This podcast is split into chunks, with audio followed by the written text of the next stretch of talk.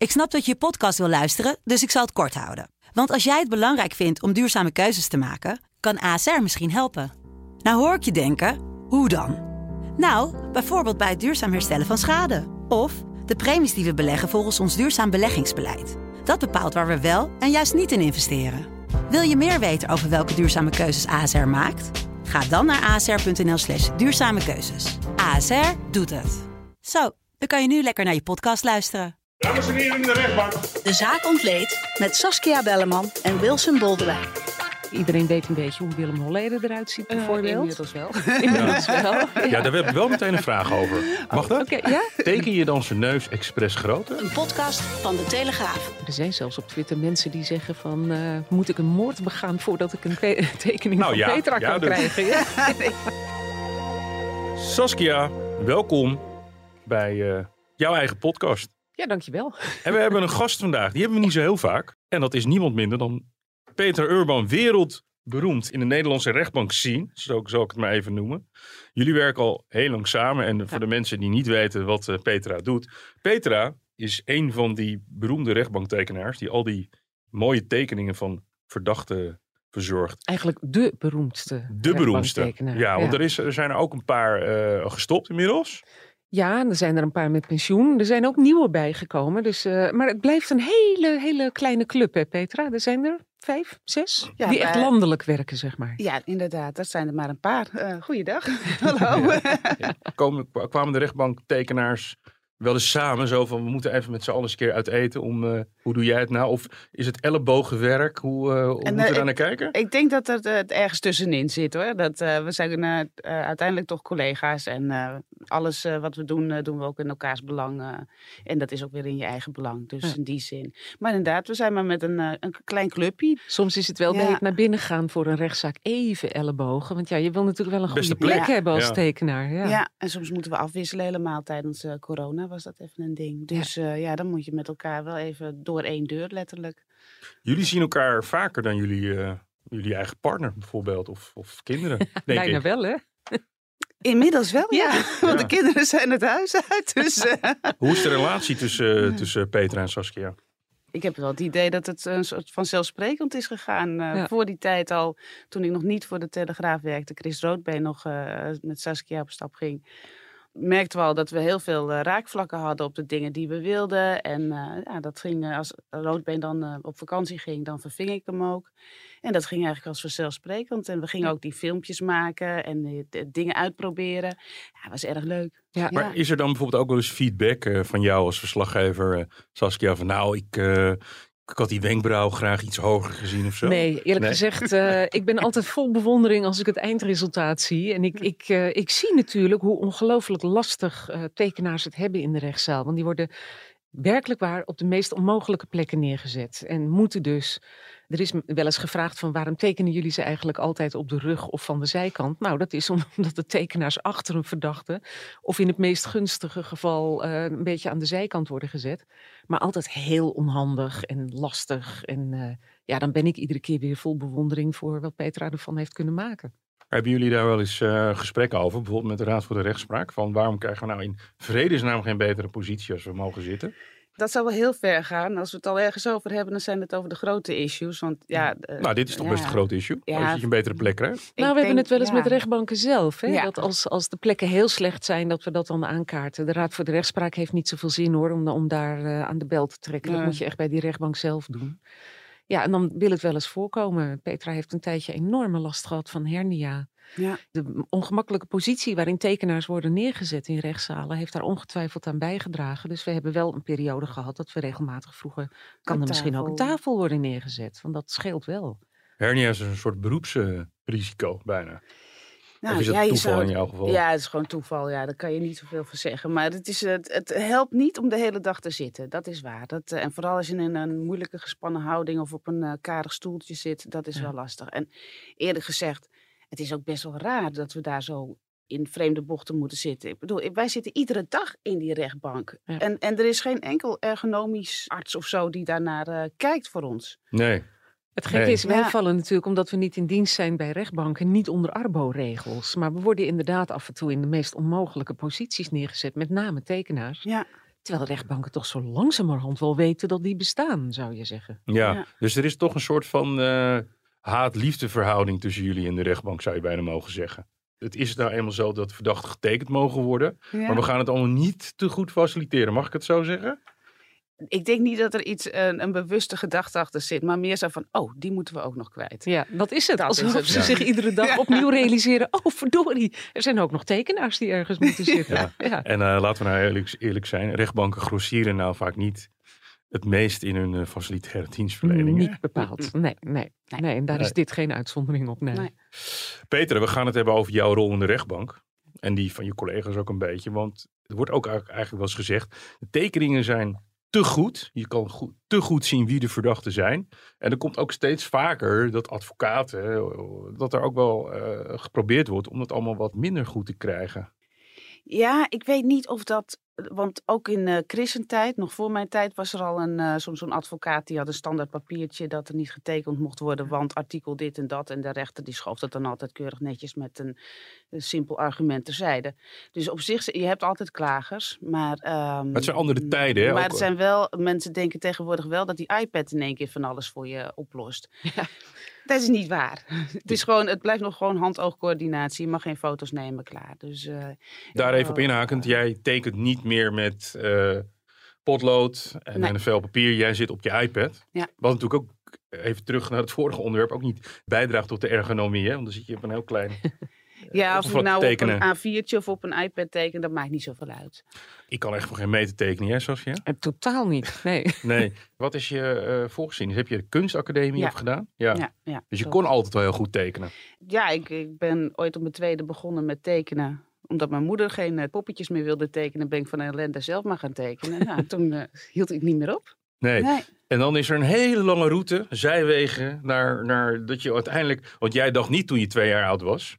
Later word ik rechtbanktekenaar. Nee, dat is eh, pas vijf jaar later eh, erin gekomen. Toen je zeven was. Even goed nog Toen je zeven was, echt waar? Ja, mijn grootmoeder die had altijd de Telegraaf. ehm, en die zag dan die tekeningen van Eddie Samson erin. En eh, later eh, Chris Roodbeen.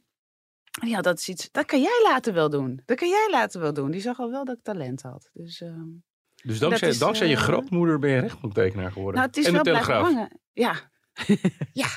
dat, zo is het wel. Uiteindelijk komt het allemaal weer... eh, Ja. ja. Hey Saskia, er is een reden waarom er tekenaars zijn. Ja. Er mogen niet zomaar foto's of filmopnames van verdachten worden gemaakt. Nee. Wat is de historie daarvan? Ja, dat heeft alles te maken met eh, de privacy. Eh, het is natuurlijk zo, als een verdachte voor de rechter verschijnt, dan eh, is hij nog niet schuldig bevonden, hij of zij. Dat moet nog door de rechter worden beoordeeld. Dus ja, je hebt de privacy van een verdachte dan ook te waarborgen.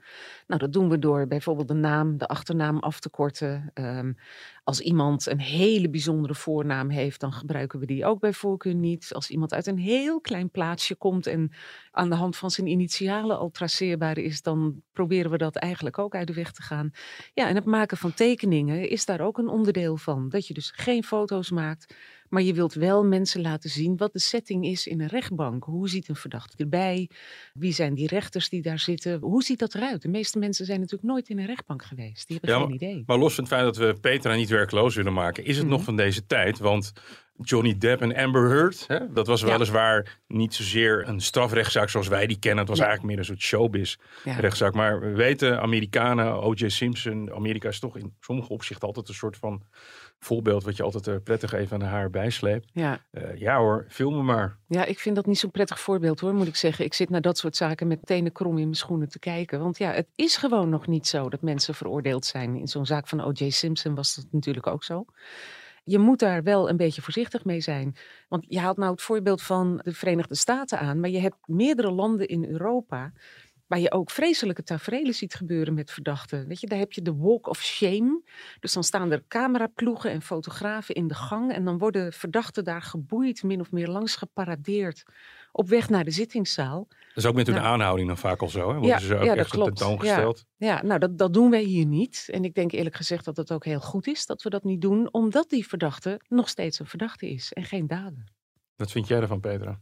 Kijk, in Nederland doen we dat niet. Het is wel openbaar nog steeds. Hè? Dus er zit een merkwaardig soort discrepantie daartussen. Tussen die openbaarheid en dat afschermen van, eh, hè, dat, dat beschermen van die privacy. Maar daarin eh, past daarom dus ook de tekening, denk ik. Ja, Ja. de tekening Ja. was mooi. Terwijl de, tekening uiteindelijk zo goed is.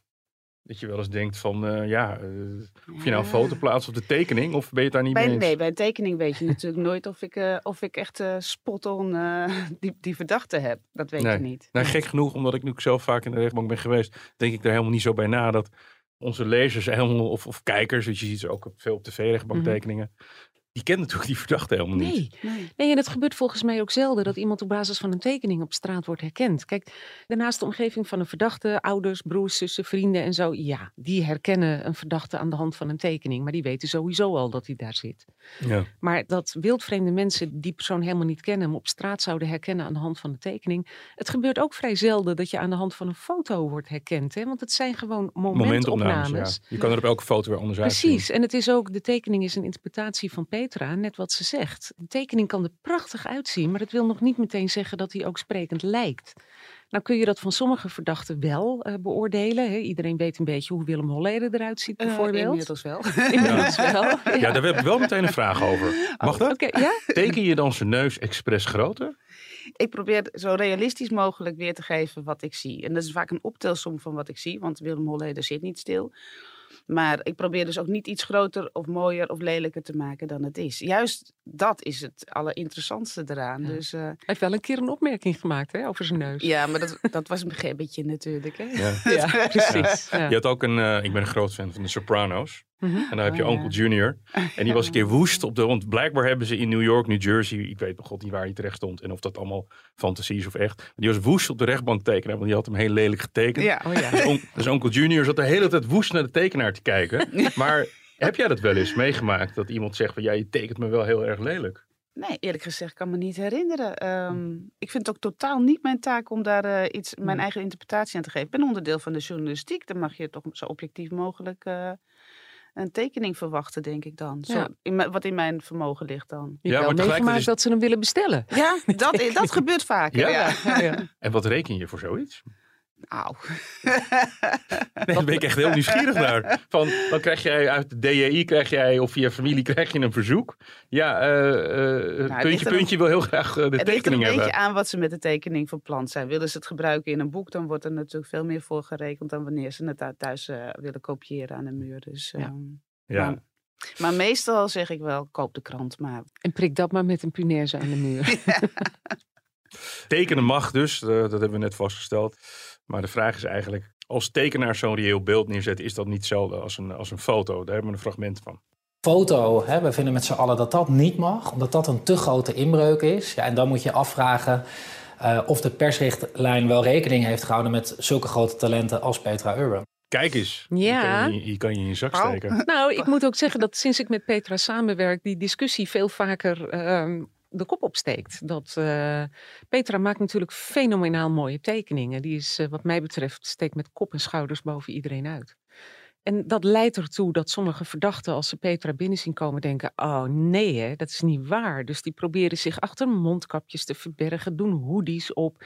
Ja, en soms eh, gaat een, een advocaat daar bezwaar tegen maken. Maar er is een persrichtlijn, niet van ons, maar van de rechtspraak, waarin gewoon staat: er kan getekend worden. Ja. En het komt zelden voor dat een rechter besluit van, eh, nou, deze verdachte maar niet. Maar eh, je zei er net al iets over, maar hè, met dit fragment in het achterhoofd. Door het gebruik van de iPad zijn de tekeningen gewoon realistischer geworden. Helemaal Nee, niet, nee. schutje. Nee. Op mijn Twitter-account eh, heb ik een vastgemaakte tweet waarin duidelijk mijn tekeningen op papier nog staan.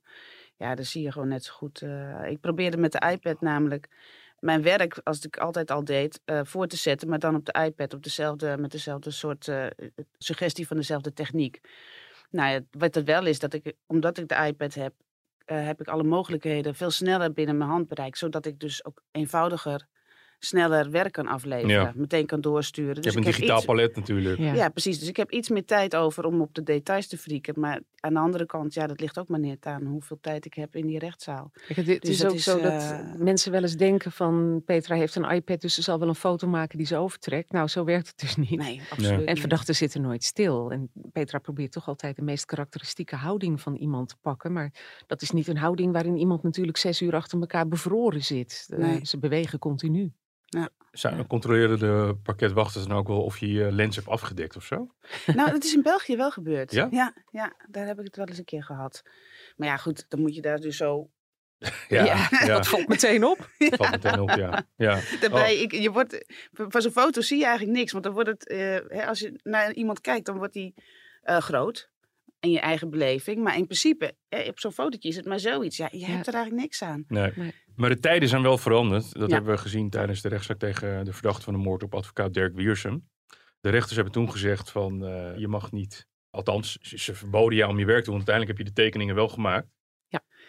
Maar Ja. de Telegraaf heeft de beslissing genomen om Ja. hem te publiceren. Ondanks het, het. feit dat het Hof. Het, het gebeurde namelijk alleen in hoger beroep. En dat was het merkwaardige aan deze beslissing. Ja, De rechtbank heeft gewoon tekenen toegestaan. Dus Petra had deze verdachte al talloze malen getekend.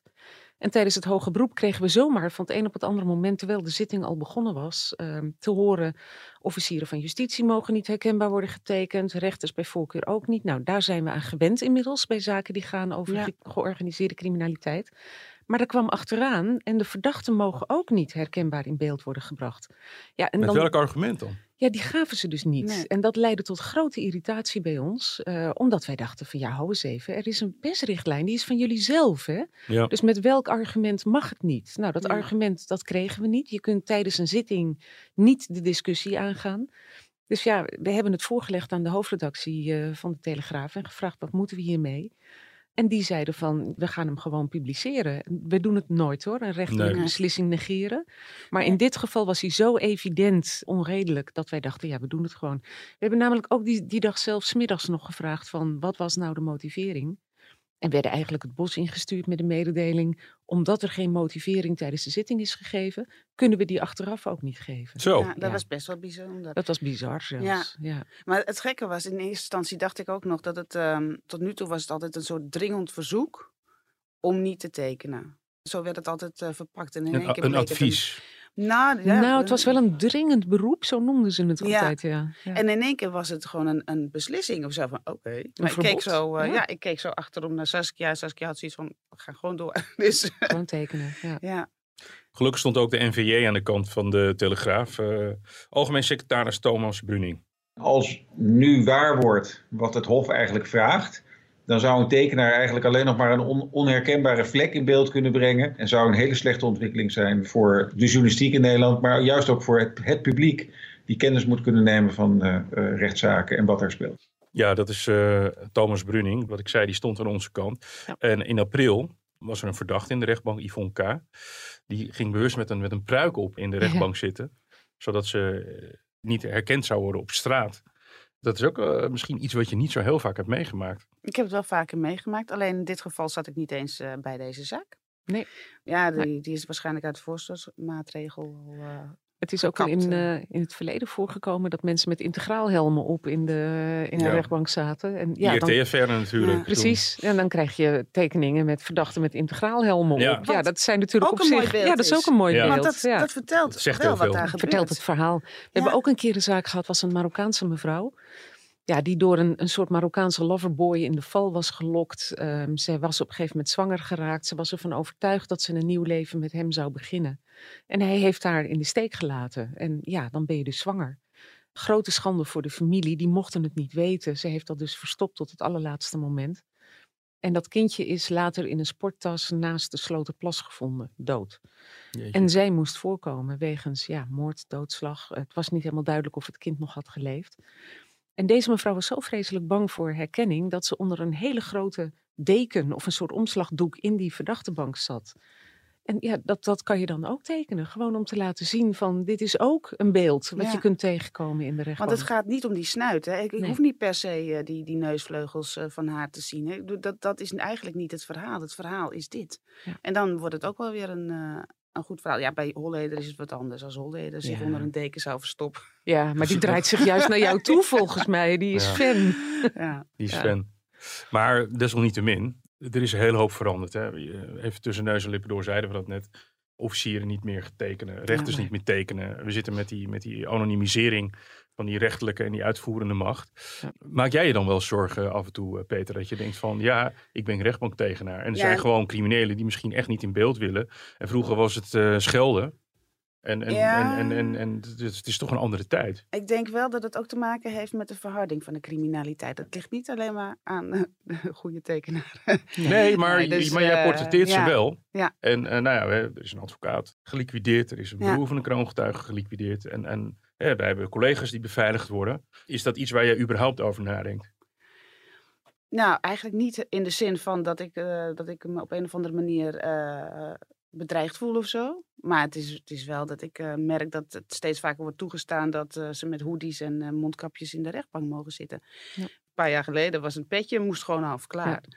En nu eh, zie je steeds vaker dat, eh, dat ze bijna anoniem eh, in een spullen mogen bivakeren. Ja. ja. Want is dat in een notendop de grootste verandering van jouw werk? Door de jaren heen?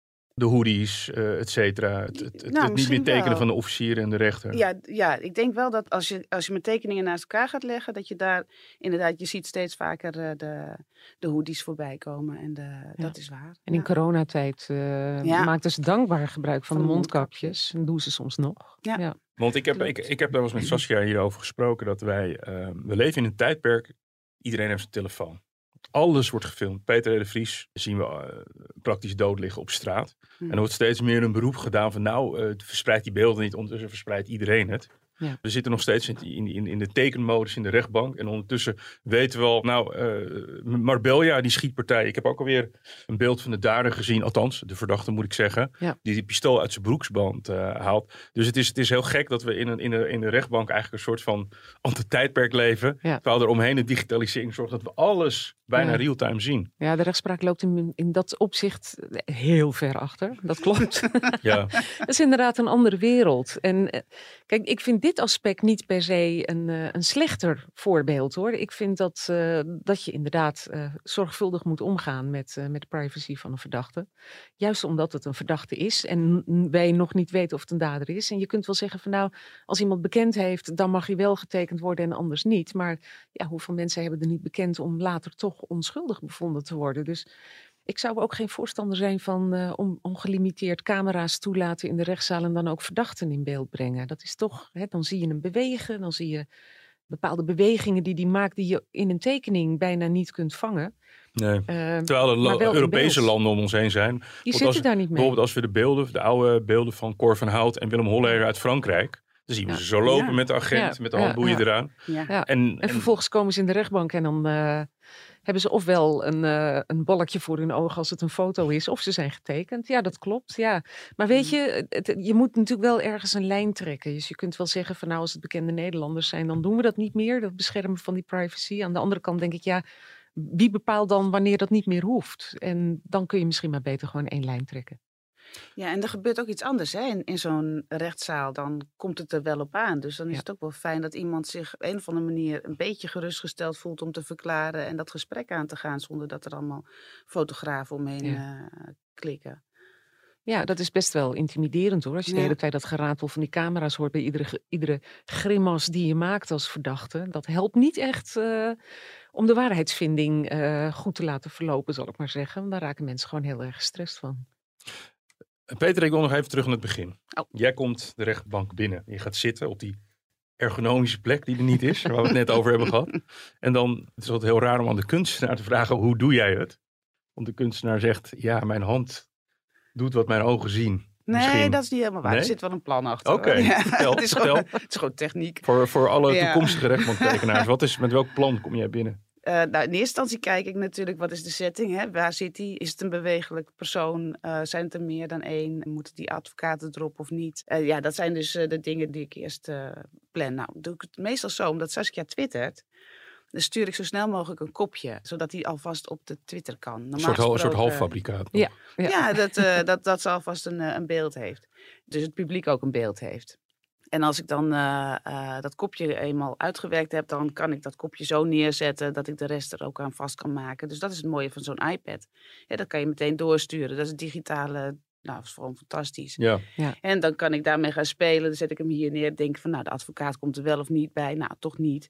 Maar daar ben ik dan eh, mee bezig. Maar ik kijk eerst naar die schedel. Hoe kijkt iemand uit zijn ogen? Zit er een patsertje of zit er iemand met heel veel berouw? Of, eh, nou, als de zakdoekjes eh, heel vaak eh, langskomen, dan komen de zakdoekjes er ook op. En, uh, dat zijn allemaal van die keuzes, want je wilt het verhaal natuurlijk, wat zij niet allemaal kwijt kan in de krant, wil ik wel laten zien. Heb je dan ook wel eens dat je de digitale gun pakt van shit, ik ben gewoon niet tevreden. Ja, Even gummen. Ja, zonder Ja? gum was ik nooit tekenaar geworden. Ja. Dus, Ja. Er zit ook een keerzijde aan. Je bent eh, kunstenaar geworden. Je zei net, je oma zei toen jij zeven was van, kun je geen rechtbanktekenaar worden zoals in de Telegraaf. Maar je bent altijd met ellende bezig. En dat geldt ook eigenlijk ook voor Saskia.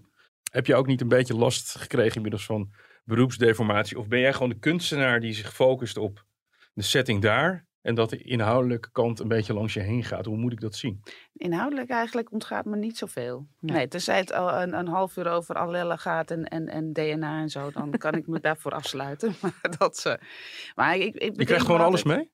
Ja, in principe wel, ja. En dat vind ik ook wel heel mooi, want het is ook wel mijn interessegebied. Zo van, waar gaat de een goed, waar de ander fout gaat? En waarom vinden we dat fout? Nou, dat is heel erg mooi om mee te krijgen. Daarbij, ja, we zitten bovenop nieuws. En ik bedenk me altijd, het is niet mijn pijn. Nee, Dat is, eh, het is en die dat van een is, eh, ja. Hoewel soms dingen wel binnenkomen. Hè? Want ja, er zijn altijd vooral, nou ja, kinderen. Dat gaat bij ons eh, altijd wel eventjes eh, napraten hoor. Dat, Robert M. Ja. bijvoorbeeld eh, destijds. ja, Dat soort types. Ja. ja. Nou ja, we rijden natuurlijk eh, met elkaar naar de rechtbank en ook weer terug. En dan- we zitten eigenlijk altijd de zaak nog een beetje te analyseren hè, Ja. op de terugweg. Maar ook wel van ons af te praten. Omdat Ja. je natuurlijk de vreselijkste dingen hoort. Ja. Ja, daar heb je het wel even over met elkaar. En dat, dat is wel prettig. Want dat betekent gewoon dat je het ook even zelf kwijt bent. En dat het niet in je hoofd blijft hangen de hele tijd. Dus dat, eh, dat werkt eigenlijk Precies, heel want thuis zitten ze niet altijd te wachten. Nee, op de Wat, wat, wat, wat, wat moeders nou weer allemaal voor, voor ellende Ja. heeft gehoord. Ja, Maar Saskia heeft rechten gestudeerd. En ik denk dat Saskia zo op de stoel van de rechter zou kunnen zitten. Al die jaren, al die procedures, nou, een hele database. van een advocaat, dat kan ze heel goed. Ja, maar, maar, maar, maar, ja, maar, maar, maar, maar o- een van de mensen van de rechterlijke macht, het zij de verdediging, het zij de officier, die, die heeft zoveel kennis opgebouwd inmiddels. Hoe zit het bij jou? Ben jij eigenlijk een soort van, ja, hoe noem je dat? Een soort van amateur eh, slash advocaat geworden? Kan jij, Ja. kan jij de strafmaat bijna aanvoelen inmiddels? Ja, nou, we- Absoluut. Ja, ja, dat soort dingen hebben, hebben we wel. eh, eh, ja, dat heb ik wel eh, in, eh, in het snotje, zeg maar. Maar ehm, ja, als het om de artikelen die er soms bij worden gesleept, eh, dan, dan denk je: is dit nou een creatieve greep van een advocaat of is dit werkelijk iets? Nou, dat, eh, dat soort dingen, daar heb ik dan, daar word ik dan nog steeds wel door. Eh, ja, verrast wil ik niet zeggen, maar dat, daar leer ik nog steeds wel eh, van. En ik- daarna vergeet ik ook weer welk artikel het was. Ja, Dus in die zin, nee, dat, eh, ik kijk voornamelijk globaal. En, en wat wij wel hebben, is omdat we overal komen. Wij zien zoveel verschillende rechters en zoveel verschillende officieren, zoveel verschillende advocaten. Eh, hebben wij wel een beter eh, beeld, denk ik, van hoe het er gemiddeld aan toe gaat. Dan misschien wel gewoon een advocaat die alleen maar in, eh, in Haarlem werkt. Ja. En eens een keer een uitstapje doet een andere rechtbank. Ja, we kunnen het vergelijken. We, we zien natuurlijk Ja. de verschillen tussen de verschillende rechtbanken, tussen de verschillende zittingscombinaties, maar ook tussen nou, de manier waarop advocaten zaken aanpakken. Ja, Waar wij dan na afloop ook het ook over hebben van jeetje, wat een waardeloos pleidooi was dat. Ja. Of eh, ze hebben, hij heeft niet eens dit genoemd. Of, Ja. Nou ja, dat zitten we dan wel even te analyseren. Ja. ja. Ja. Uiteindelijk zijn verdachten verdachten. Ja. En, die, en die teken je elke keer met, met al je passie, teken je die op. Maar er zit ook een soort van repetering in en, een herhaling. Ja. Is het iets wat jij nog, nou hier kan ik heel oud mee worden. Hoe, hoe, kijk, hoe, hoe is dat? Ja, het is Het wel... is altijd een rotvraag hoor, zo van waarom nee, doe je wat je doet? Ja, nee, Ja. dat is het. eh, nou, ik blijf altijd gefascineerd door licht en donker en eh, vorm en ruimte en eh, perspectief. Dat is altijd wel iets, maar ook om iets te vangen. Ik ben altijd wel weer blij als ik van mezelf kan zeggen, oh, deze is echt goed gelukt. Dat heb ik echt niet iedere dag. Nou ja, hij moet toch naar de krant, dus echt perfectionistisch, daar heb je geen tijd voor. Maar dat is wel iets waar ik, ja... Maar Nou, je, ik je- zie je dit. bent het wel perfectionistisch, want je zit heel vaak naast mij in de auto nog steeds te tekenen hoor. En nog ja, steeds moet fijn het, te wel, slijpen. het moet er wel mooi uitzien. Ja. eh, Maar, maar Bij een echte kunstenaar is het nooit Maar over. voor mezelf eh, heb ik wel, eh, ik kan het wel loslaten, zeg maar. Ook als ik vind dat het minder is, want het moet gewoon. En dat is ook heel erg goed voor mij. Ja. Maar zoals, ik, ik zit nou naar dat zwart op zwart te kijken hier zo. Dat vind ik alweer mooi. Dat, Onze zeer dat zou- inspirerende Ja, podcaststudio. Ja, dat, daar Ja. word ik dan al helemaal, dus, dat, dat gaat altijd door in Je mijn kijkt met een andere blik naar de wereld. eh, Misschien, ik dat weet, dat ja. is wel grappig, ja. Want ik, ik kijk natuurlijk op een bepaalde manier naar de verdachte. En dan heeft Petra soms, als we op de terugweg zijn, observaties waarvan ik denk: Goh, ja, kun je zien hoe anders een tekenaar kijkt naar iemand. Weet je, dat vind ik altijd, echt altijd heel grappig. Dat jij het hebt over de vorm van de schedel en hoe die wenkbrauwen dan precies zitten boven die ogen. Terwijl ik daar op een andere manier naar keek. En dat is wel heel grappig om te horen, vind ik altijd. En wat, wat ik sowieso fenomenaal vind aan Petra is hoe snel ze in staat is om een situatie even te tekenen. We hebben bijvoorbeeld in die zaak van Nicky Verstappen heeft op een gegeven moment verdachte Jos B. voorgedaan hoe hij Nicky, dat jongetje, vond op de Brunsumerheide, hoe hij lag. En hij liep dus naar voren en hij ging op de grond liggen. En dat is dan vijf seconden, denk ik, dat hij Ja, zo nou, lag. Het gekke was, ik was er niet eens bij op dat moment. Ik kwam later binnen en Joris van nu.nl ja. is toen eh, gaan liggen voor mij. En toen Ja. heeft, ik wist dus hoe Jos B. eruit zag. Die heb ik al veel vaker getekend. En nou ja, die heb ik eigenlijk zeg maar... We hebben Joris- Joris inderdaad in de goede als- positie gelegd op de grond van de rechtbank. En daar heb ik de Jos van gemaakt. Dus- Maar die, dat, dat was hem dus gewoon. Je zag hem liggen. En we hebben ook wel eens hè, die verdachten die opeens bewegingen maken om aan te geven hoe ze iemand hebben Ja. neergestoken. Dat weet Petra heel snel te vatten. Die, die gebaren die ze dan maken. Ja, ik kijk ernaar en het is in drie seconden voorbij. En zij slaat het op in haar hoofd en ze tekent het gewoon. Ja, en als je dan naar die verdachte kijkt, heb je dan ook het idee dat jij ze sneller en beter begrijpt dan een ander? Nee, Dat niet. nee, ik weet niet wat er in het hoofd omgaat. Nee, dat vind ik altijd wel weer knap. Van zo'n hele situatie bij elkaar. Hè? De, de, de advocaat die zegt dit, de verdachte zegt dat. eh, de rechter komt uiteindelijk eh, met een oordeel nadat de officier er ook nog iets van vond. Dan vindt het publiek er nog wat van. Nee, wat die gast denkt, geen idee. Nee. Nee. Dan rest mij nog de vraag, krijg jij veel verzoeken van ik wil een rechtbanktekening van mezelf via social media? Ja, Is dat, Heel- zit, ligt, ligt, ligt daar een potentiële markt? nou, daar, daar ligt een, een, een enorme markt, maar daar heb ik gewoon geen tijd voor. Ik zeg vaker nee dan ja, dus ehm, ja, dat... ehm, Maak je wel eens uitzonderingen? Ja, wel eens. Maar de afgelopen tijd eh, ben ik daar bijna niet meer aan toegekomen. En dan denk ik altijd, oh, waarom heb ik ja gezegd? Want, Ja. het- want vooral ook omdat het op allerlei kanalen binnenkomt. En dan vergeet ik het ook alweer. En dan denk ik, oh ja, dat moet ook nog. Er zijn zelfs op Twitter mensen die zeggen van... eh, moet ik een moord begaan voordat ik een tekening Nou van ja, Petra ja, kan dus- krijgen? Nee, dat raad ik echt af. En anders weet ik wel een goede advocaat. En dan, dan zei ik tot slot, maar dan popt er toch nog één vraag op. Is er een soort van internationale ranking van rechtbanktekenaars? Heb je wel eens buitenlandse rechtbanktekenaars ontmoet? Is er, zijn er verschillende scholen in? Ehm, ik heb, heb er wel een paar ontmoet eh, in Frankrijk en, eh, en België en zo. Duits, nou, vooral Frankrijk, België. Ja, je ziet wel, vroeger, laten we zeggen twintig jaar geleden en ouder, zag je nog dat beetje stripachtige stijl. En het, je, je ziet in Amerika heel erg dat krijtachtige. Maar het is niet dat er een soort ranking is. Nou heb ik op eh, Instagram, zit ik wel op zo'n zo'n ding waarbij je meerdere courtroom artists eh, bij elkaar eh, voorbij ziet komen. Bestaat er zoiets als een Nederlandse school? Nou, dat denk ik niet. Maar ik denk wel dat ik met mijn stijl een nieuwe stijl heb geïntroduceerd. Die eh, Ja. navolging heeft gekregen. Absoluut, ja. Ja. Ja, het was denk ik vroeger toch ietsje karikaturaler. Ja. Dat is het niet meer. Dat karikaturale is eraf. Eigenlijk bij alle tekenaars nu. Maar jij bent degene die daarmee begonnen is. Ja, en het eerst dat, kreeg ik ook eh, te horen, dit zijn geen rechtbanktekeningen. Alsof daar een, een soort van Ja. format voor bestond. Van aan die voorwaarden moet hij voldoen. Terwijl 300 jaar geleden had je ook rechtbanktekeningen. Nou, die zagen er ook anders uit dan, Ja, eh, klopt, dan ja. die. eh, ja. En over 300 jaar zeggen mensen, ik heb een echte Peter Urban thuis aan de muur hangen. Je weet het maar nooit. Vincent van Gogh wist ook niet dat hij later beroemd zou worden. Nee. Petra, dankjewel. En eh, hopelijk eh, gaan wij jou nog veel zien eh, in de rechtbank. Hoe tragisch de verhalen ook zijn, maar met al jouw mooie tekeningen. Peter Urban, dankjewel. En Saskia, bedankt. Dit was De Zaak Ontleed, een special. We hebben even een, een, een zijpaadje genomen over wat er allemaal achter de coulissen gebeurt in de, in de rechtbank met onze tekenaar Peter Urban. Mijn naam is Wilson Boldewijn. Vindt u dit een leuke podcast? Laat u dan een recensie achter op het platform waarop u dit luistert. Dag.